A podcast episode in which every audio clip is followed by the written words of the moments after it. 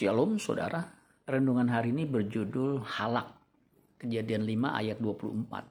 Dan Henok hidup bergaul dengan Allah, lalu ia tidak ada lagi, sebab ia telah diangkat oleh Allah.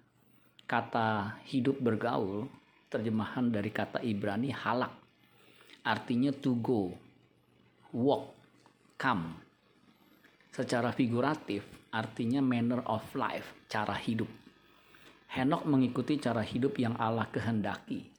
Di Perjanjian Baru, cara hidup yang Allah kehendaki kita kenakan adalah cara hidup Kristus. Itulah cara hidup yang berkenan kepada Allah Bapa. Matius 3 ayat 17. Lalu terdengarlah suara dari sorga yang mengatakan, Inilah anakku yang kukasihi, kepadanya lah aku berkenan orang percaya yang benar harus mendengarkan perkataan Kristus itu. Matius 17 ayat 5. Dan tiba-tiba sedang ia berkata-kata, turunlah awan yang terang menaungi mereka dan dari dalam awan itu terdengar suara yang berkata, inilah anak yang kukasihi, kepadanya lah aku berkenan, dengarkanlah dia.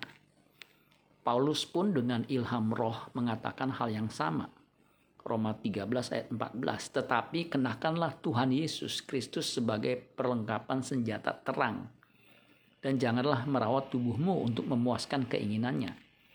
Galatia 3 ayat 27. Karena kamu semua yang dibaptis dalam Kristus telah mengenakan Kristus. Mengenakan Kristus adalah suatu proses panjang dalam hidup sama dengan mengubah kodrat manusia yang berdosa atau sinful nature menjadi manusia berkodrat ilahi. Mengenakan kodrat ilahi disebut juga teosis atau pengilahian. Itulah tujuan kita bergaul dengan Allah. Amin buat firman Tuhan.